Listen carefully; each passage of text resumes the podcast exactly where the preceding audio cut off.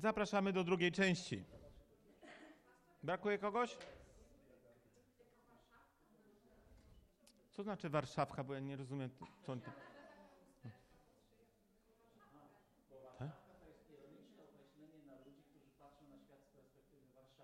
Właśnie. Nie, ale na przykład, na przykład spotykasz się z kimś z Warszawy i odczujesz się gorszy. Albo to daje ci do zrozumienia, że on z Warszawy. A, no to, To tak jest z tak. Markiem mamy. Tak z Markiem. Nie, Marek to jest Mark Majka raczej. Do mnie napisała ludzi. Nie musisz się czuć gorszy. Próbuję właśnie. No to zapraszamy w takim razie. Dziękuję. Dziękuję, że jesteście i że nie poszliście sobie. Myślę sobie tak. Po tej pizzy i ciastach nie macie siły, żeby pójść. Trzeba odsiedzieć. Więc nie poczytuję to sobie jako swoje zwycięstwo, tylko za wynik sytuacji. Yy.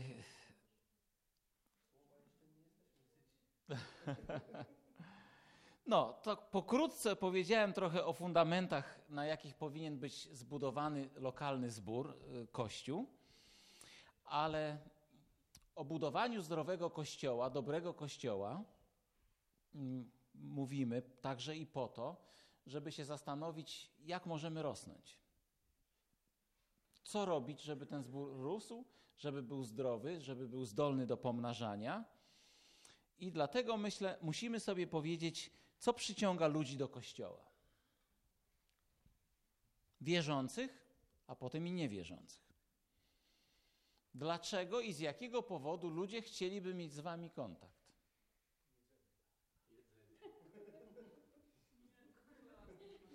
To sugerowałbym, żeby założyć restaurację. Nie, restaurację, jeśli jedzenie. Y, Co przyciąga ludzi, a co ich odstrasza, zniechęca? Y, Może najpierw przeczytajmy Ewangelię Jana, pierwszy rozdział od 35 do 51 wiersza. Może nawet zobaczymy, może nie całość, ale y, ten, ten fragment.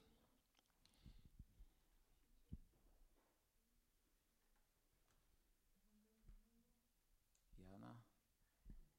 Ja sobie tutaj fotografię zrobiłem, ale krzywo, to otworzę, otworzę pismo. Ewangelia Jana y, 1,35. Nazajutrz znowu stał Jan z dwoma uczniami swoimi i ujrzał Jezusa przechodzącego i rzekł: Oto baranek Boży. A owi dwaj uczniowie, usłyszawszy jego słowa, poszli za Jezusem. A gdy Jezus odwrócił się i ujrzał, że idą za nim, rzekł do nich: Czego szukacie? A oni odpowiedzieli: Rabbi. Słuchajcie uważnie, ciekawy wiersz. Czego szukacie? A oni mu odpowiedzieli: Rabbi, gdzie mieszkasz?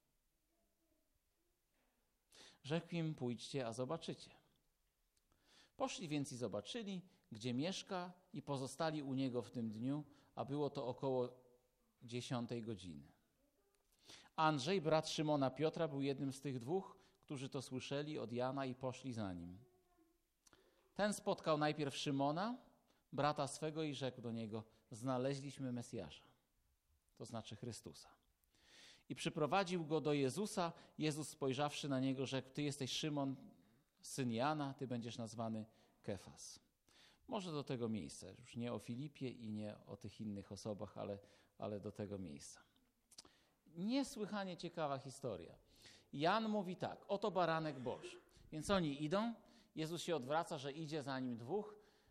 Czego chcecie? Rabbi, czyli Rebę, Rebę Jeszua. Tak, tak normalnie, panie, panie Kowalski, że tak powiem. E, Chcemy zobaczyć, gdzie mieszkasz.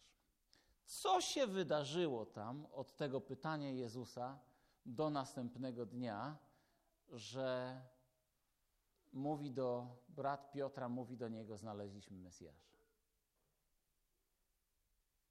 Co się wydarzyło w tym domu, że wyszedł stamtąd i wiedział, że to jest Mesjasz?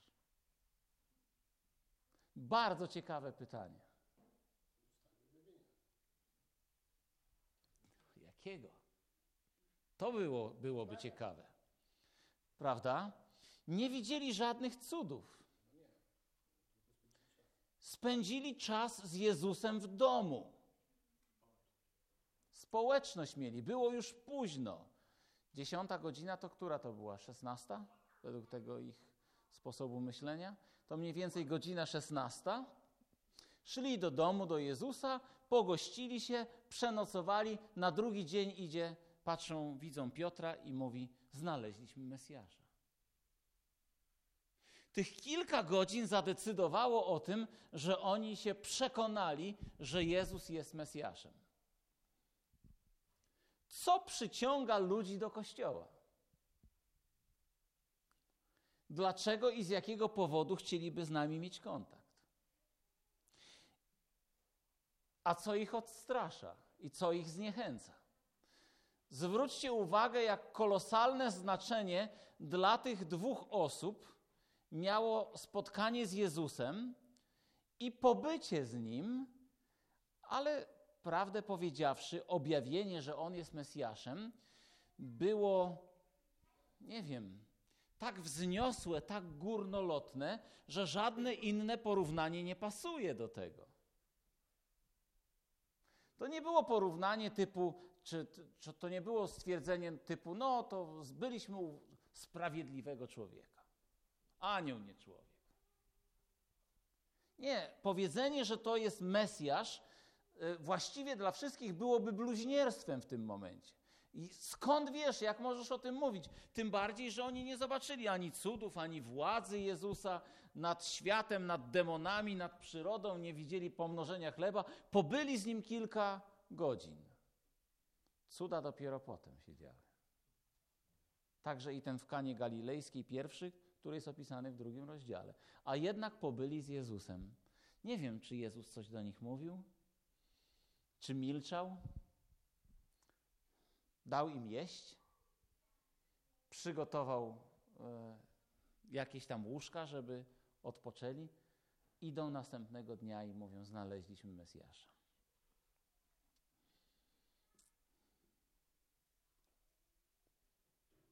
Mnie to mówi jedno. Jeśli ludzie spotykają się z Jezusem, to wiedzą, że się spotykają z Jezusem. Takie krótkie świadectwo. Kiedy jeszcze byłem pastorem w Koszalinie, nawróciła się jedna kobieta. A jakieś tam różne przeżycia miała. Wobec tego zdecydowała, że pójdzie po wszystkich kościołach, może Pan Bóg jej pomoże. I postanowiła, że odwiedzi wszystkie kościoły. Poszła i do prawosławnych, sama była katoliczką, poszła i do prawosławnych i jeszcze gdzieś przyszła do naszego zboru i potem powiedziała świadectwo. Przyszła za dziesięć dziesiąta. Jakie było jej pierwsze wrażenie? Nie zgadniecie. Mówi, Bóg tu jest. Ja cię, ale trafiłam. Bóg tu jest. Mówi, to, co się działo z jej życiem, z jej emocjami, tam i rozwód był, jakieś problemy w pracy i jeszcze różne inne rzeczy. Szukała pomocy, szukała pomocy w różnych miejscach, także i u psychologów. Mówi, pójdę do kościoła i ten jeden z psychologów mówi, a jak pani potrzebuje, to oczywiście. Przyszła do zboru, mówi, Bóg tu jest, zostaje w tym kościele i została. Potem jej synowie się nawrócili. Jeden z synów ożenił się z y, córką, y, z Basią, y, z córką Piotra Cieślara. Niesamowite. Dlatego ważne jest to, żebyśmy się zastanowili, co ludzi przyciąga do kościoła. Jezus zadaje pytanie w 16 rozdziale Ewangelii Mateusza. Co ludzie o mnie mówią? Za kogo mnie ludzie uważają? No i tam mówią, jakie są poglądy ludzi, a wy za kogo mnie uważacie? Ty jesteś Chrystus, Syn Boga żywego. Poznali Jezusa i nawet wtedy, kiedy y, Jezus wypowiada do ludu trudne słowa, takie, że wielu uczniów odchodzi i nie idzie dalej z Jezusem, Jezus mówi to co, i wy chcecie odejść? Piotr wtedy mówi, do kogo pójdziemy? Ty masz słowa życia wiecznego. Ludzie są przyciągani, ponieważ mają nadzieję że ich życie zmieni się na lepsze.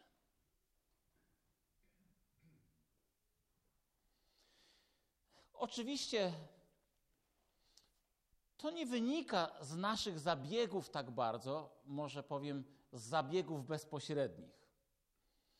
Ale kiedy się trzymamy Jezusa,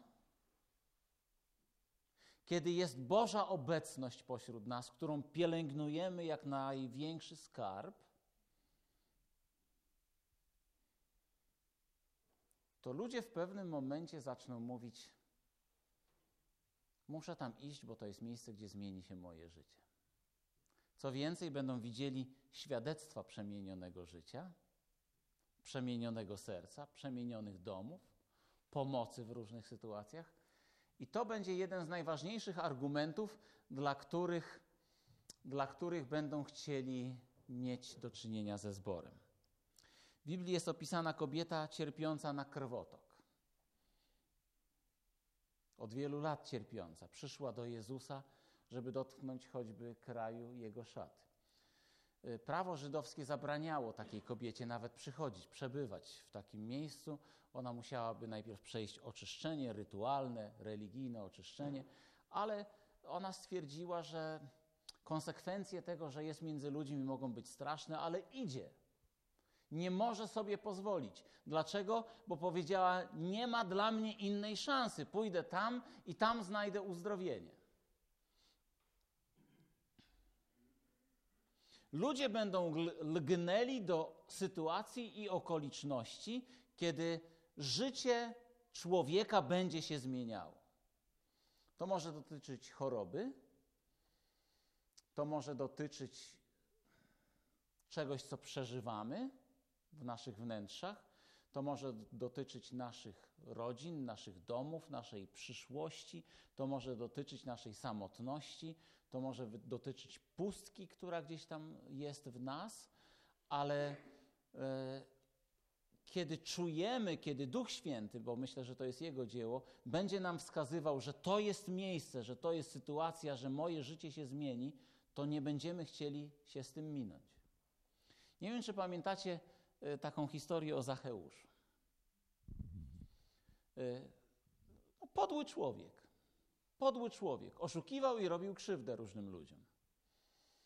I kiedy usłyszał, że Jezus idzie, to dla niego było to tak ważne i tak możemy się zastanawiać, dlaczego y, Zacheusz tak bardzo chciał. Czy coś wiedział, domyślał się, czuł. Nie mógł Jezusa zobaczyć, to wszedł na drzewo, żeby zobaczyć. Ale coś ciekawego się wydarzyło i nie myślę, żeby serce Zacheusza było tak po prostu puste, E, zaproszony, Jezus się wprosił, o tak, ja chcę być w Twoim domu, tam celnicy byli. I, i zobaczcie, moim zdaniem, kiedy Zacheusz zobaczył, że w jego domu jest Jezus, e, z tej opowieści nie wynika wcale, że Jezus mówi: Zacheuszu, nawróć się, przyjdź do Boga, oddaj swoje życie Jezusowi, przestań oszukiwać. Zacheusz miał świadomość, że się spotyka z żywym Bogiem i że to jest jedyna szansa, że jego życie może się zmienić. I mówi tak: Panie, to ja rozdam połowę majątności, a jak komuś coś zabrałem, to czterokrotnie więcej oddam. To była jego jedna, jedyna szansa na zmianę życia. Ludzie w tym świecie potrzebują mieć świadomość, że jest takie miejsce, gdzie ich życie się zmieni że coś się uda naprawić w ich życiu. Jest taka historia w XIX rozdziale dziejów apostolskich, y, kiedy w Efezie wynosili księgi czarodziejskie i palili je, i one miały wartość 30 tysięcy, jeśli dobrze pamiętam, iluś tam tysięcy drach. Po pierwsze, w tym czasie posiadanie księgi to była jakby inwestycja w firmę. To był, to czasem dla wielu ludzi to był kredyt duży. Zdobywali te księgi, żeby potem całe życie zarabiać. Kiedy znieśli to, y, czytałem gdzieś w jakimś komentarzu, że wartość tych ksiąg to był ekwiwalent 30 tysięcy owiec. Wyobraźcie sobie 30 tysięcy owiec w Mannheim. Jakby tak przeszły. To była równowartość 30 tysięcy owiec. Spalili to. Bo ludzie, kiedy wiedzą, że ich życie może się całkowicie przemienić, że ich małżeństwo się przemieni, że ich zdrowie się przemieni, że nadzieję odzyskają, ludzie są gotowi zapłacić wysoką cenę. I cena, jaką jest przyłączenie się do zboru i rezygnacja ze swojego starego środowiska, nie jest wcale taką wielką ceną. Ale myślę, że zbór musi się bardzo mocno modlić i mieć świadectwo, że to jest miejsce, gdzie życie ludzi się zmienia. Ktoś mi opowiadał, że kiedy brat Michał Chydzik modlił się w swoim zborze w Ustroniu o uzdrowienie, to bezdomni w Gdańsku o tym mówili. I mówili tak: Szkoda, że u nas nie ma takich nabożeństw. Ale słyszeliśmy, że w Ustroniu jest pastor jeden, Chydzik się nazywa, kiedy on się modli o chorych, chorzy są uzdrawiani. Dlatego myślę, że y, ludzie do kościoła są przyciągani, ponieważ mają nadzieję, że ich życie zmieni się na lepsze. I sądzę, że to jest, że to musi być nasza modlitwa, ale też i nasze świadectwo. Dlatego nasze świadectwo ma taką kolosalną wagę. Tu nie chodzi o to, żebyśmy teraz wzięli Biblię i udowodnili katolikom, że są bałwochwalcami i że źle robią, albo pokonali w dyskusji świadków Jehowy. Po co? Ludzie potrzebują usłyszeć świadectwo, że moje życie się zmieniło. Że Jezus coś z moim życiem zrobił. Że się zborykam, zmagam z życiem, bo przecież żyjemy ciągle w tym świecie. Ale że coś się w moim życiu zmieniło. Zawdzięczam to Bogu, zawdzięczam to też społeczności z Kościołem. I myślę, że, że to musimy pielęgnować, o to dbać. I pamiętajcie, nasze świadectwo przemienionego życia ma niesłychane znaczenie. I muszę powiedzieć, że w dzisiejszych czasach, ale to już tak na marginesie, ubolewam nad jedną rzeczą. Ubolewam mianowicie na tym, nad tym, że głosimy Chrystusa, nie oczekując, że czyjeś życie się zmieni. Że czyjeś życie będzie przekształcone. To jest chyba trochę kłopot dla nas wszystkich. Ja rozumiem, tu nie chodzi o to, żebyśmy na siłę, na siłę wymyślali, co tam się zmieniło w naszym życiu. Ale ja się boję chrześcijaństwa bez przemienionego życia. My przychodzimy do Jezusa, żeby coś się zmieniło. I przychodzimy do kościoła, żeby coś się zmieniło. I bierzemy chrzest, żeby coś się w naszym życiu zmieniło. I to powinno być świadectwem naszego zboru każdego zboru. I o to powinniśmy dbać. Lepiej o Chrystusie nie zaświadczymy, niż wtedy, kiedy ci, którzy są wokół nas, będą wiedzieli, że, yy, że nasze życie jest jakieś inne. Ja mówiłem o tym na, w Dziwnówku, yy, ale bardzo mnie poruszyło, poruszyła jedna sytuacja, kiedy wyprowadzaliśmy się w Dziwnówku albo w Świnoujściu, już nie wiem. Kiedy się wyprowadzaliśmy z Koszalina, musieliśmy sprzedać dom, ale zanim sprzedaliśmy dom w Koszalinie, musieliśmy dać da zadatek kilkadziesiąt tysięcy na dom pod Warszawą. Nie miałem tych pieniędzy, nie miałem od kogo pożyczyć. Przyszli do mnie sąsiedzi, niewierzący ludzie. Przyszli do mnie sąsiedzi i mówią: Marek, słyszeliśmy, że potrzebujesz pieniędzy. Jeden z nich to adwokat, bardzo wzięty adwokat i i tak dalej, i się tam adwokaci potrafią takimi rzeczami zarządzać. I dał mi pieniądze, chyba 20 tysięcy pożyczył mi i ja mówię, to co Bogdan, mam ci napisać jakieś oświadczenie, czy co mam zrobić? On spojrzał mi w oczy mówi tak, Marek, ja cię nie obrażę, żądając od ciebie podpisu i, i, i papieru. I ja myślę, że nasze świadectwo ma kolosalne znaczenie pokażmy, dbajmy o to, że moje życie się zmienia. Ono czasem się potyka. Czasem bywa tak, że coś nam nie wyjdzie. Nie, to nie musi być tak, że nasze życie jest doskonałe, ale że nasze życie się zmienia. Bo ludzie potrzebują desperacko nadziei na to, że ich życie może się zmienić. Desperacko wręcz potrzebują nadziei. Y, czego ludzie chcą jeszcze? jeśli mają zrezygnować, no tak, bo zazwyczaj to się tak z tym wiąże, zrezygnować ze swojego kościoła albo ze swojego stylu życia, to do czego mają się udać? Coś za coś. Ludzie potrzebują mieć świadomość, że przyłączając się do zboru, wybierają wartościowe życie. Że wybierają coś, co nada sens ich życiu. Y, co mam na myśli? Na myśli mam to, że wielu z nas, dotkniętych palcem Bożym, nie potrafi żyć inaczej, tylko mówimy: idziemy na służbę, będziemy coś robić. Ja się zastanawiam, jak to możliwe, że ktoś chce być misjonarzem w Bangladesz. Ale kiedy Bóg dotyka życia, no to mówisz: no, idę tam, gdzie Pan mnie chce. To jest cel mojego życia, to jest treść mojego życia. Ja nie chciałem w ogóle Bogu służyć, miałem swoje marzenia, y, które dla mnie były po prostu górą złota, złotym jajkiem. Nie wiem, jak to powiedzieć, czy kurą znoszącą złote jajka. Po prostu, och, jakieś tam marzenia w życiu miałem. I nagle, kiedy Jezus przyszedł do mojego życia, to musiałem zrezygnować i powiedzieć: Dobrze, panie, to będę ci służył. Ale tak sobie myślę, Boże, jaki ja jestem wywyższony ponad wszystkie moje myśli i marzenia, że mogę być Twoim sługą. Jaki to jest zaszczyt i jakie to jest piękno, a szczególnie wtedy, kiedy widzę, że czyjeś życie się zmienia, że komuś się przydałem.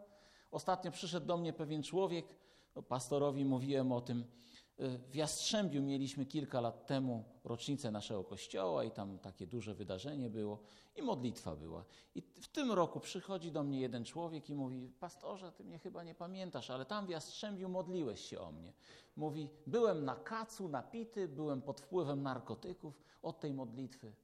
Ani razu się nie napiłem, nie wziąłem narkotyków. Pracuję uczciwie, jestem w zborze. Takie jest moje życie. Wszystko się zmieniło. I ja sobie myślę tak, jak warto żyć dla takiego momentu. Że się na coś przydałem komuś. Że, że Królestwo Boże jest e, w jakiś sposób budowane. Ludzie przyłączając się do Kościoła nie chcą być dumni z tego, że są zielonoświątkowcami, baptystami czy, czy kimś innym. Daj Boże będą. Ale chcą po prostu mieć świadomość, że ich życie ma realny sens że się poświęcą dla jakiegoś wyższego celu, że powiedzą: No dobrze, warto żyć dla tego celu. Nawet jeśli tym celem będzie to, że będą uczciwie pracować, yy, by, będą w zborze, wspierać będą ten zbór, ale wezmą jakąś służbę. Bo może być tak, że będziesz nauczycielką czy nauczycielem dzieci, a może jakiś Reinhard Bonke się nauczy pierwszych kroków przy Jezusie przez Waszą służbę, Wasze oddanie i Waszą miłość. Skąd wiesz, że tak nie będzie?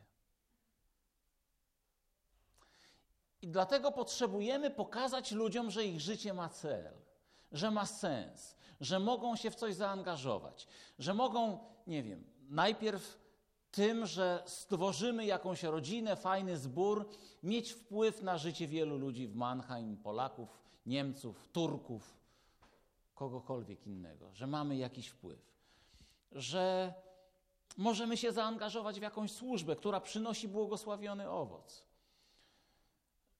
Że właściwie tak sobie patrzę i powiem tak, Boże, to ja Ci dziękuję, że, że mogę mieć udział w budowaniu Bożego Królestwa. Ludzie potrzebują wartościowego celu dla swojego życia, żeby mieć świadomość, że kogoś uratowali, że coś dobrego zrobili.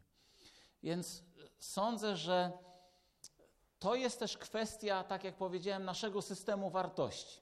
Żebyśmy nie siedzieli na e, krzesłach i nie myśleli o tym, jak to ja nie mogę służyć, jak to ja nie mam czasu, jak to jestem zmęczony albo jak jestem schorowany, tylko żebyśmy myśleli sobie, jak to cudownie, że mogę być przydatny.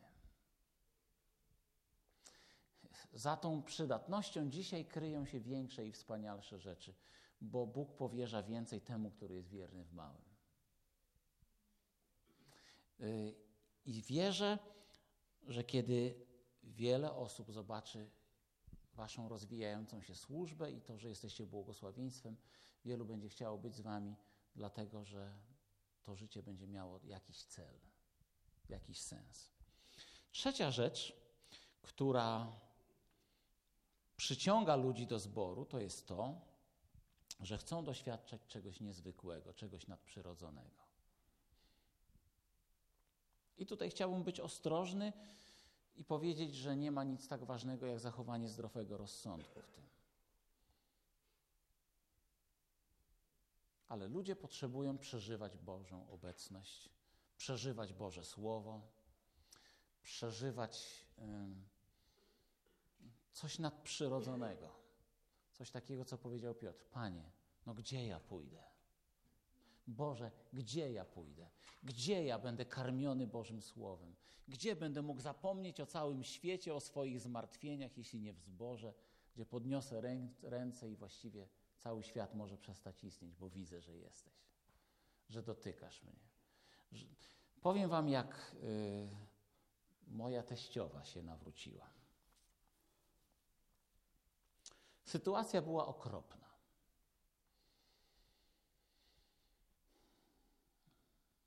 Bo ja i moja Ewa to jesteśmy ludzie, którzy mają dokładnie 12 lat różnicy wieku między sobą. Ona miała prawie 18 lat, jak, ja, jak się zakochaliśmy w sobie, a ja prawie 30. Jeszcze była w ogólniaku. Więc ja byłem pastorem jakiegoś dziwnego kościoła. Wyobraźcie sobie, jaki to dramat dla rodziny. Dramat. Tutaj my, my w ogóle tego nie ukrywamy i zawsze mieliśmy świadomość. Różnica wieku, dziewczyna młoda powinna iść na studia. Zrobiła studia właśnie miesiąc temu, doktora to broniła. Y, I wiecie, i, i temu podobne rzeczy. No i moja teściowa uważała się za osobę światłą, więc mówi: Pójdę do, do tego kościoła, zobaczę, co to jest. I to był taki trudny czas, bo już się rozwodzili, byli na krawędzi rozwodu, więc ta, ta nasza miłość to gwóźdź do trumny i w ogóle ciężka sytuacja. Przyszła do zboru. Przyszła do zboru, była na nabożeństwie. Zobaczyłem się z nią po nabożeństwie dzień czy dwa. A czemu wy śpiewacie tak? A czemu ludzie ręce podnoszą? A czemu kazanie takie długie? A czemu wy tak krzyczycie? Ja to lubię, jak się tak w ciszy modlą ludzie. A czemu to? A czemu? Ja cię, ja mówię, załamałem się. Załamałem się kompletnie. Patrzę, jest niedziela, moja teściowa, przyszła teściowa jest na nabożeństwie. Ja już taki troszkę sztywniejszy. jak to nabożeństwo poprowadzić, jak kazanie powiedzieć, żeby ona znowu mi nie zgarnęła rozżarzonych węgli. Oczywiście gadała mi, opowiadała różne rzeczy. Aż kiedyś się wygadała. I mówi tak, w tym wszystkim, co przeżywała w swoim życiu, nigdzie nie była w stanie znaleźć spokoju. Mówi, ten zbór był jedynym miejscem, gdzie wewnętrznie odpoczywała. Gdzie wewnętrznie mogła znaleźć chociaż odrobinę odpocznienia. Ludzie chcą doświadczać czegoś niezwykłego, bo tak naprawdę to tylko Pan może zmienić ich serca. Pan może, może uleczyć ich rany. Tylko Pan może sprawić, że, że to, z czym nie radzą sobie w życiu, to będą mogli sobie poradzić z tym. I ja powiem tak, nasze nabożeństwo nie jest po to, żebyśmy se pośpiewali. Nasze nabożeństwo nie jest po to nawet, żeby pizzę zjeść dobrze, jak ona jest po. Nie ma tutaj żadnego problemu, ale jesteśmy tutaj po to, by się spotkać z Bogiem. I tak się módlmy, żeby przyciągnąć naszego Pana, żeby przeżyć coś z Bogiem. I tak się starajmy, żeby. Yy, odbierać głoszone Boże Słowo jak coś, co Bóg ma nam do zakomunikowania. Nie z opcją, no zobaczę, jak mi się spodoba, to może, ale z takim nastawieniem, że jestem tutaj, żeby, żeby doświadczyć Boga, żeby, żeby wziąć coś od Pana. I myślę, że ludzie bardzo marzą o tym, żeby się spotykać z Bogiem, kiedy przychodzą na nabożeństwa, kiedy przychodzą do społeczności. Tak, Bóg tu jest. Bóg tu jest. Nigdzie tego nie znajdę, tylko w tym miejscu. I jeszcze jedna rzecz, taka bardzo ludzka. Ludzie są przyciągani do zboru, ponieważ przestaną być samotni. Będą się utożsamiać z grupą osób, która da im poczucie wartości, dumy i znaczenia. To jest trochę tak, że o naszej tożsamości świadczy też grupa osób, z którymi jesteśmy zżyci.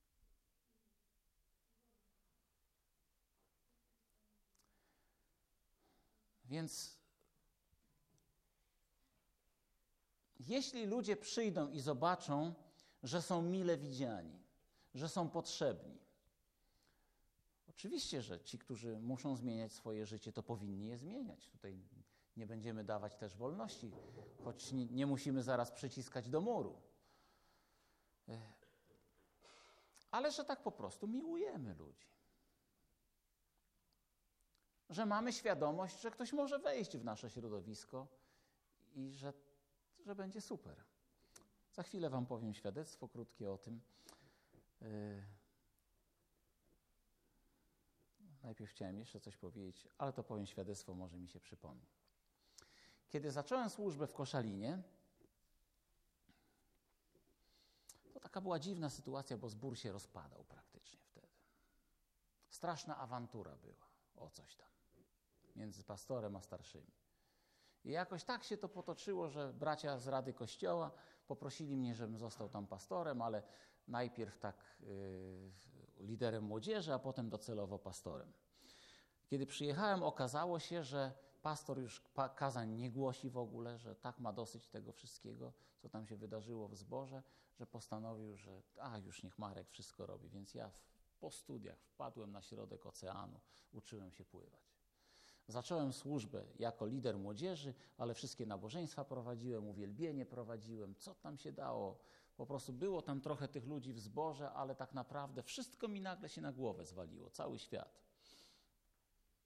I słuchajcie, e, spotkałem się z młodzieżą i, i pytam, a tamten chłopak tam po imieniu, to co on robi? A nie wiem.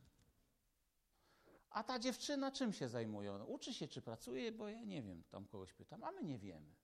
I mówię, to jak to wy tutaj? Pięć osób w tej grupie młodzieżowej, nikt o nikim nic nie wie. Mówi, no tak, bo się spotykamy, pomodlimy się i idziemy, koniec. Nie rozmawiamy. No to ja mówię, dobra, to musimy się najpierw zapoznać. Zaczęliśmy się spotykać, żeby się zapoznać. Modliliśmy się, uwielbialiśmy Boga, rozważaliśmy Boże Słowo, ale mówię, będziemy siedzieć obok siebie tak długo, aż zaczniemy w końcu z sobą rozmawiać, bo przy trzecim spotkaniu siedzę przy kimś i mówię, ty, a ty pracujesz czy się uczysz? No, w końcu zaczynamy się czegoś dowiadywać, nie? I słuchajcie, po trzech miesiącach, mówię tutaj, kładę nacisk na dwa elementy: społeczność, jaką z sobą mieliśmy, i, i duchowe rzeczy. Po trzech miesiącach było nas w grupie 40 osób.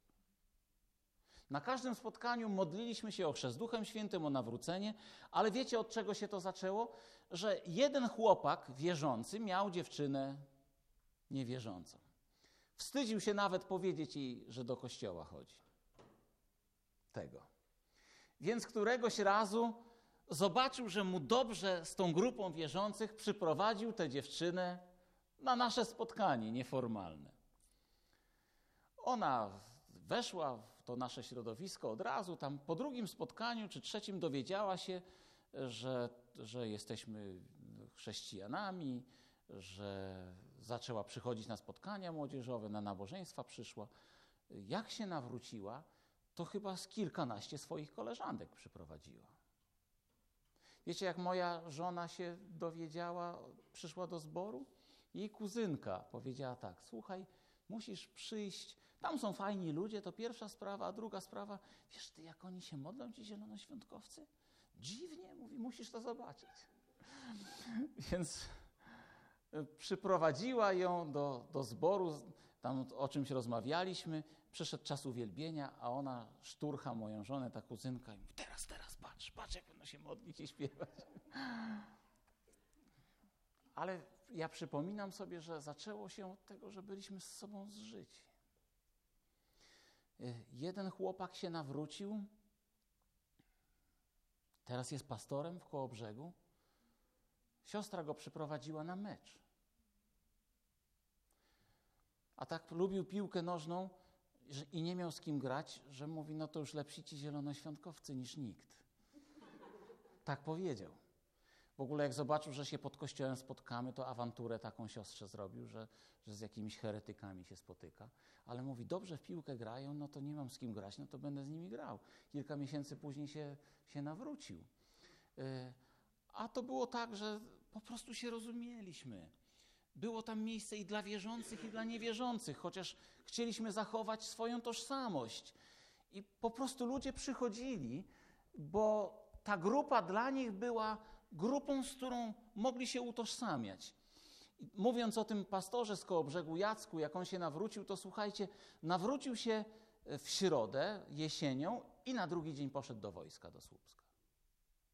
Z Koszalina, wzięli go do wojska. W związku z tym, że to był październik, to my na 1 listopada dawaj do Słupska odwiedzić go. Pojechaliśmy go odwiedzić. W ogóle ciekawa sytuacja, za chwilę powiem o tym, e, ale e, odwiedzaliśmy go. My się kolegowaliśmy. To była autentyczna relacja, nie taka sztuczna musimy. I potem ktoś przyszedł do niego i mówi: Wiesz, bo ci zielonoświątkowcy cię zgarnęli do swojego kościoła, bo cię przekupili przyjaźnią i tak dalej. I on mówi: Tak, to prawda, bo jak ja byłem w wojsku, to nikt z was mnie nie. A oni co drugi dzień.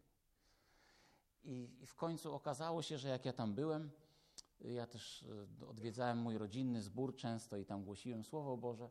Jak pierwszy raz odwiedziłem Jacka, to spotkaliśmy się i zobaczył go e, jakiś kapral, który tam zajmował się tymi młodymi żołnierzami. I po tym spotkaniu podchodzi do niego i mówi, a ty znasz Marka Kamińskiego? No tak, to pastor z Koszalina. Mówi, tak, bo ja jestem też ze zboru w Słupsku. Ja się jeszcze nie nawróciłem, a ty? No ja się już nawróciłem. I tak się nim zajął, powiedział do wszystkich kaprali, słuchajcie, Jacka zostawiacie w spokoju, ja się nim zajmuję. I na, i na e, stołówkę szli razem we dwóch kapral, który szkoli młodych żołnierzy i młody żołnierz i opowiadali sobie o tym, co w Biblii wyczytali. E, Ja myślę tak, ja to widzę, ten potencjał między wami, tę społeczność. Ludzie chcą przestać być samotni. I chcą utożsamiać się z grupą osób, która da im poczucie wartości, dumy i znaczenia, że będą pośród was y, po prostu odpoczywać. Więc zachęcam was, pielęgnujcie to, co wśród was widać, bo to jest niezwykle wartościowe. Oczywiście, że to nie jest jedyny element. Ja jeszcze raz powtórzę. Ludzie chcą mieć, przychodząc do zboru, chcą mieć pewność, że zmieni się ich życie. Jeśli by mieli pójść na operację i poddać się lekarzowi, o którym wiedzą, że to jakiś konował, który źle te operacje przeprowadza, to nie pójdą na te operacje, prawda? E, ludzie chcą przyjść do zboru, mając głęboką nadzieję, że ich życie się zmieni, że coś im pomoże. Po drugie, że ich życie zyska cel. Po trzecie, że będą doświadczać czegoś nadprzyrodzonego. A po czwarte, że będziemy rodziną, że będziemy dla siebie ważni. E, I jeszcze parę rzeczy i już zakończę. Dacie radę jeszcze posłuchać? Tak, możecie. Jeszcze mam cztery punkty. Nie wiem, ile minut mi każdy punkt zajmie. To ja sobie.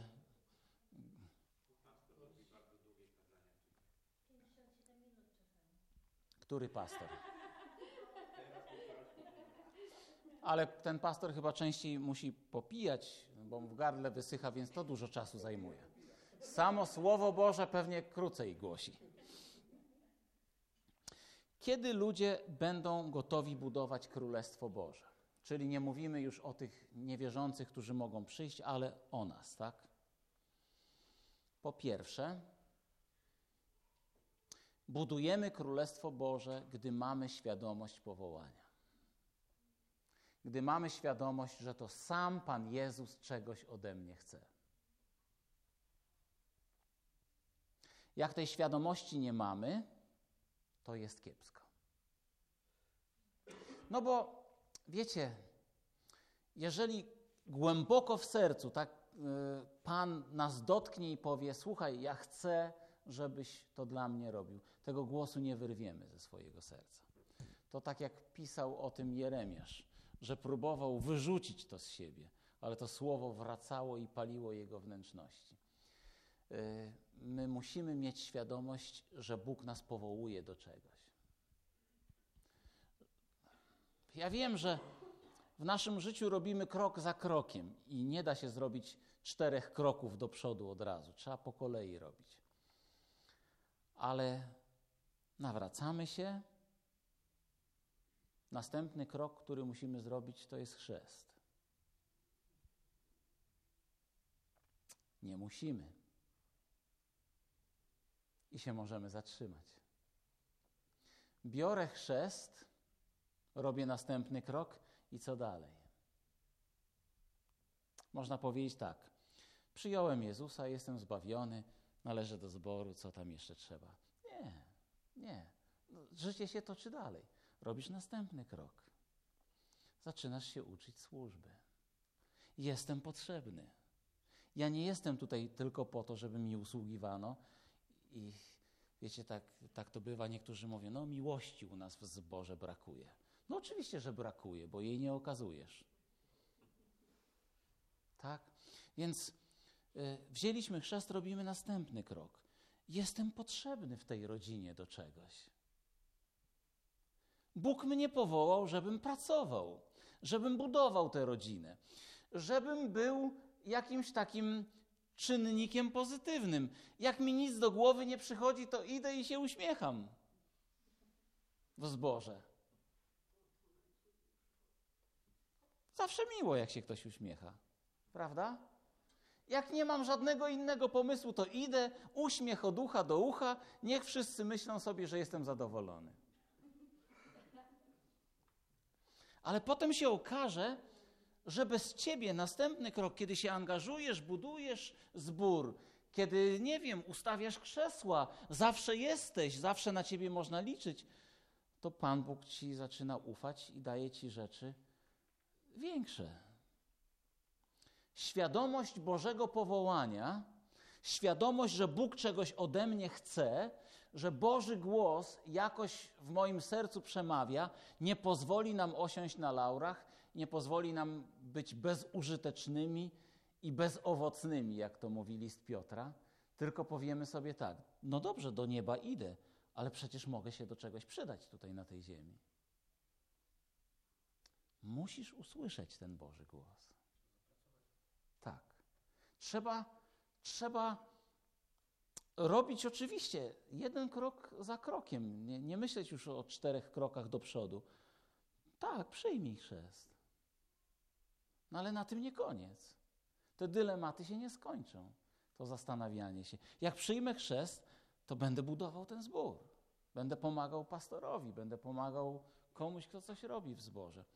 A więc y, bardzo istotne jest to, żebyście wy wszyscy zrozumieli, że jeżeli chcecie budować zbór, to nie na tej zasadzie, że macie pomysły albo przeczytacie o pewnych pomysłach, jak budujemy zbór. Bóg mnie powołał do działania. Bóg mnie powołał do służby. Jeśli tego w swoim sercu nie masz, to się nie odzywaj w żadnych sprawach dotyczących zboru. Tylko ci, którzy mają świadomość, że Jezus tego od nich oczekuje, będą to robić. Druga rzecz dotycząca tego, kiedy ludzie będą gotowi budować Królestwo Boże, to jest zaufanie do przywódców. Ja już o tym wcześniej wspomniałem. Jutro też opowiem Wam pewną ciekawą historię, ale to będzie w trakcie kazania. Wiecie, my budujemy swoje zaufanie powiem tak. To nie jest ta historia, którą jutro będę opowiadał, ale ja wiem, co to znaczy mieć w zborze Absalomów.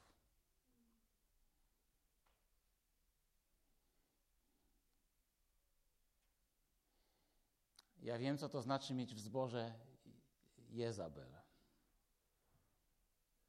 Ludzi, którzy występują przeciwko Tobie, bo mają jakieś tam cele, jakieś interesy. Pamiętajcie, żeby po owocach poznawać proroków. Ale tutaj jest kruczek. Po jakich owocach? Które będą, czy które były? Tak. Y, proroków poznaje się po owocach dotychczasowych, a nie tych. Jeżeli ktoś nie ma żadnych owoców, to żaden z niego prorok.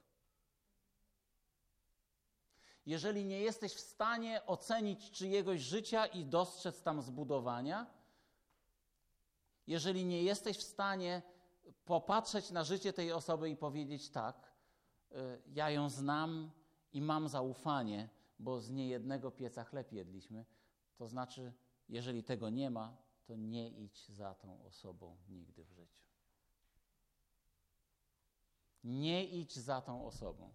Ludzie znajdą kogoś w internecie, im się to podoba i gotowi są rozwalić zbór, bo im się coś w internecie spodobało i to są moje poglądy i tak ma być. Tylko czy temu komuś możesz zaufać? Jakiś czas temu, e, chyba to Lakeland się nazywało na Florydzie, było tak zwane potężne przebudzenie. Jak on się nazywał? Tot? Tak, wytatuowany taki bardzo. Prze, przebudzenie trwało dwa miesiące czy trzy, a potem poszedł z sekretarką.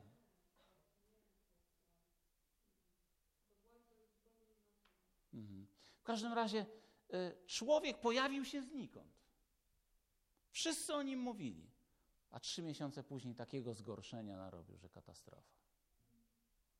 Pamiętajcie, przywódca, pasterz, za którym idziemy, to ten, którego dobrze znamy i który nas nauczył, że nas nie oszukuje, że nam nie kłamie, że nie zwodzi nas, że nas kocha i nawet jak się pomyli, to jest gotowy to naprawić.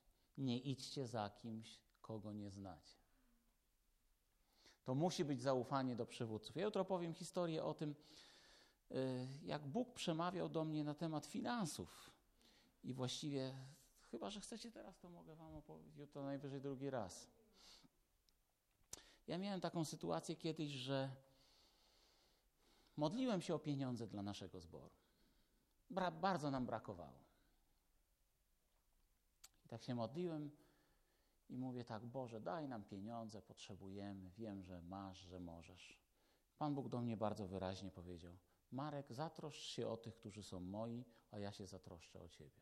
Ale Boże, co masz na myśli? I powiedział mi tak, ten emerytowany pastor, który był przed Tobą, biedę cierpi. Macie ufundować im dożywotnią rentę. Ja zbladłem, jak to usłyszałem. Co? No jeszcze jednorazową to bym dożywotnią? Boże, ja się chyba przesłyszałem. Ja nawet do starszych zboru nie chcę iść w tej sprawie. A, bo do mnie Bóg powiedział, do nich nic nie mówił. No i tak się modlę, mówię tak, Boże, to co ja mam z tym zrobić? Pokazuję wam kwestię również i zaufania do przywódców.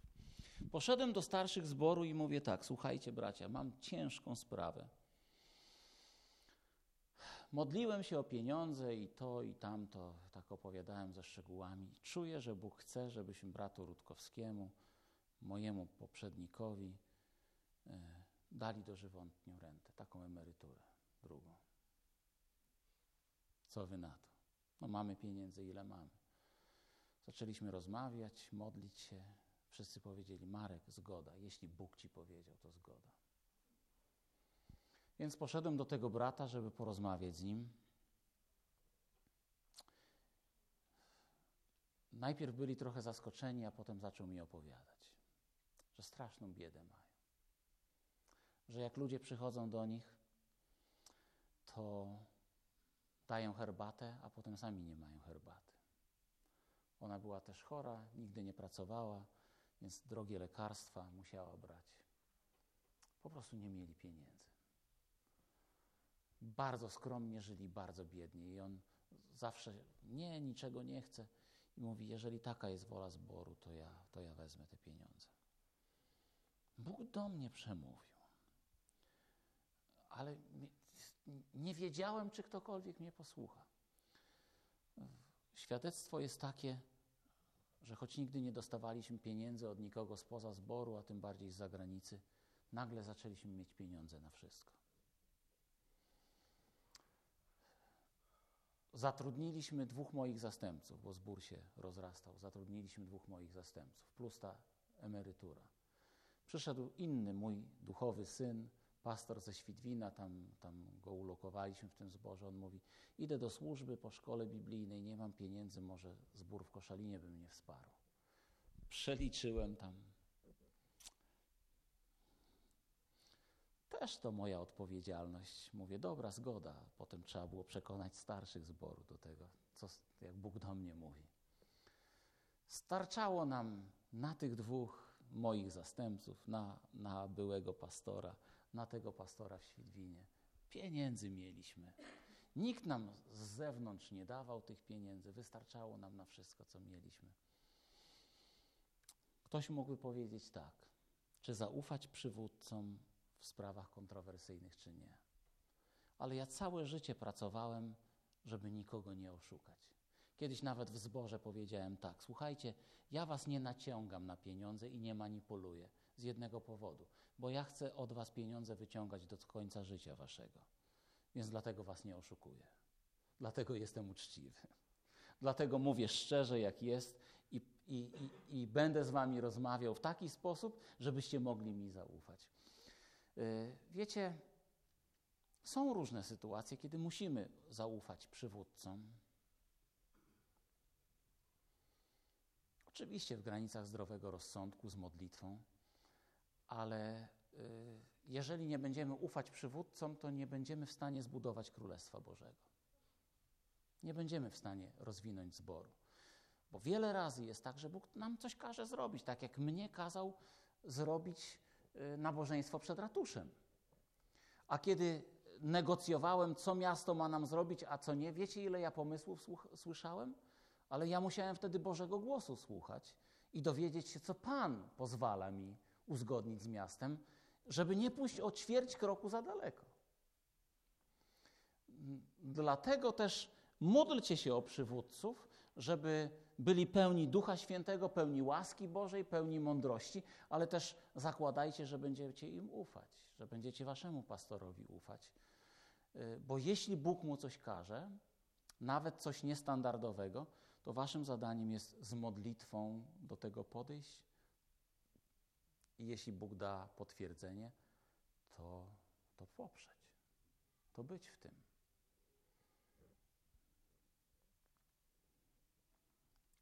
Kiedy ludzie będą gotowi budować Królestwo Boże? Jeszcze dwa punkty.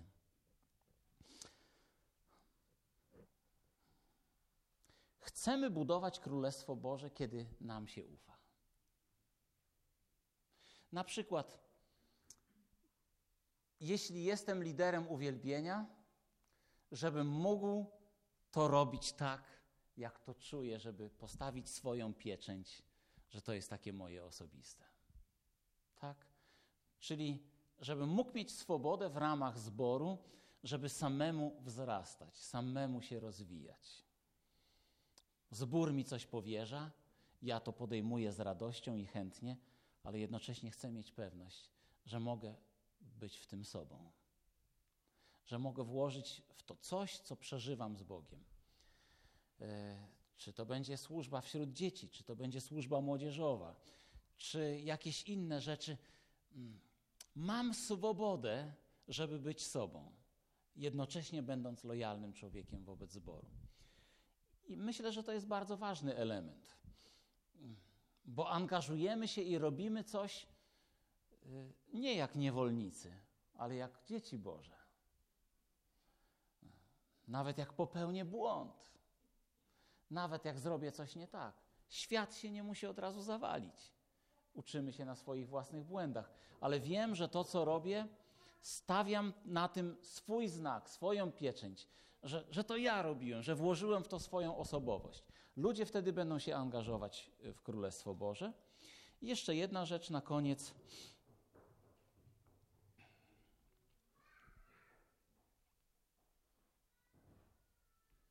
Czy wiecie, dlaczego ludzie przyprowadzają swoich znajomych do zboru?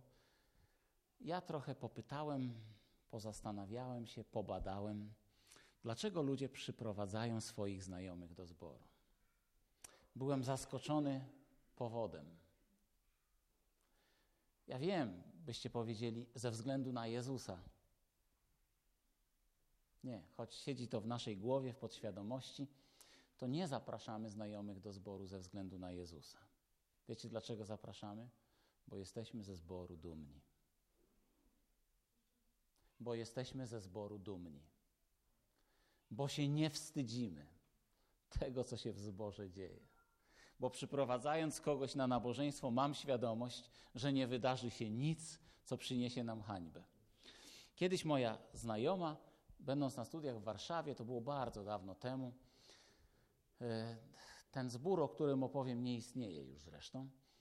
E, postanowiła, że z koleżanką z akademika się dogadały, że e, ta koleżanka przyjdzie do zboru na nabożeństwo, a ta nasza siostra pójdzie do niej na nabożeństwo, do kościoła katolickiego. To fair umowa, prawda?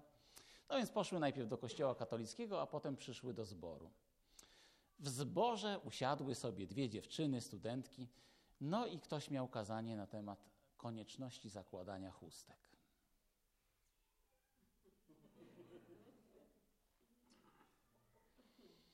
No więc tak mówił o tych chustkach, jakie to ważne, żeby siostry w pokorze były i tak w ogóle. I w pewnym momencie one się rozejrzały, patrzą, tam w ogóle mało było osób, a tylko one dwie bez chustki są. I mówi tak: wracały z kościoła, nawet nie rozmawiały o tym, co tam było na nabożeństwie. I mówi: już nigdy więcej nie rozmawiały ani o Bogu, ani Kościele. Ludzie przyprowadzają swoich znajomych, bo są dumni z tego zboru, bo są dumni z Was.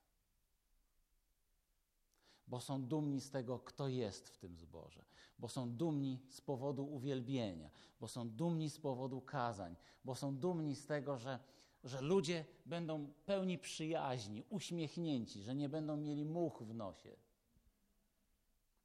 I myślę, że jest to jeden z najważniejszych powodów, dla których przyprowadzamy ludzi do zboru. Więc zachęcam Was szczerze, byśmy wszyscy pracowali nad tym, żeby atmosfera w zborze, relacje w zborze, to jak usługujecie. E, ja tutaj nawet nie napominam Was, raczej proszę, żebyście pielęgnowali to, e, żeby każdy z Was mógł powiedzieć: Naprawdę jestem dumny z tego zboru. Żeby można było pójść do znajomych i powiedzieć: Wiesz co? Jestem we wspaniałym zborze, jak ja kocham tych ludzi. Lubię tam być, lubię śpiewać, naśpiewam się, jest mi cudownie. Modlimy się o siebie wzajemnie. Pastor mówi świetne kazania. Wiesz co? Przyjdź kiedyś, zobacz, z czego jestem dumny. Myślę, że zaangażowanie w Boże Królestwo yy, bywa tak niestety w wielu zborach że ludzie są w zborze, bo wiedzą, że taka jest wola Jezusa, ale w ogóle nie są dumni ze zboru. I kiedy nie są dumni ze zboru, nie przekazują tej dumy, tej chluby ludziom na zewnątrz. Czyli innymi słowy, w ogóle nie zapraszają ludzi na nabożeństwo, bo się boją. E, kiedy myślicie, przepraszam, już strasznie długo dzisiaj mówię, coś mnie wzięło na długie mówienie. Kiedy więc myślicie o zaangażowaniu waszym, to jeszcze raz powtórzę. Y, będziecie to robić dlatego, że macie świadomość, że Jezus tego oczekuje od was. I się modlę, żeby Duch Święty wypalił swoim ogniem tę świadomość na tablicach waszych serc. Żebyście nigdy nie mogli tego wyrwać ze swojego serca. Jezus oczekuje, że będziecie budować Królestwo Boże, y, a też nie widzę powodu, żeby powiedzieć, że Jezus oczekuje, żeby budować ten zbór. Bo Jezus posyła was do jakiegoś zboru, do jakiejś łodzi, na której będziecie łowić ryby razem z Jezusem. Druga rzecz, zaufanie do przywódców. Trzecia rzecz, żebyście mogli zostawić swój ślad, swoje imię na tej służbie, w którą się zaangażujecie. I czwarta rzecz, budujcie zbór tak, żebyście byli z niego dumni. Żebyście się mogli chlubić i pochwalić przed innymi. Tyle mam na dzisiaj. Bardzo Wam dziękuję. Y, Ja nie wiem, czy Wy jesteście dumni ze zboru, ale jak rozmawiam z pastorem, jest dumny i na jego miejscu też byłbym dumny z Was. Jesteście cudowni. Powiem Wam szczerze, będę za Wami tęsknił, jak wyjadę. Naprawdę tak mi dobrze między Wami. Także dziękuję Wam serdecznie, dziękuję pastorowi za zaproszenie. No i to, i to jeśli chodzi o mnie, to tyle. Chyba, że coś tam chcecie jeszcze ode mnie, ale to już pastorowi daję głos. Podziękujemy. Dziękujemy serdecznie. Ja będę pamiętał długo, kto tam powiedział, że te 57 minut, tak? Ale to jest cały czas poniżej jednej godziny, tak. A, to było w dobrym sensie, no fajnie.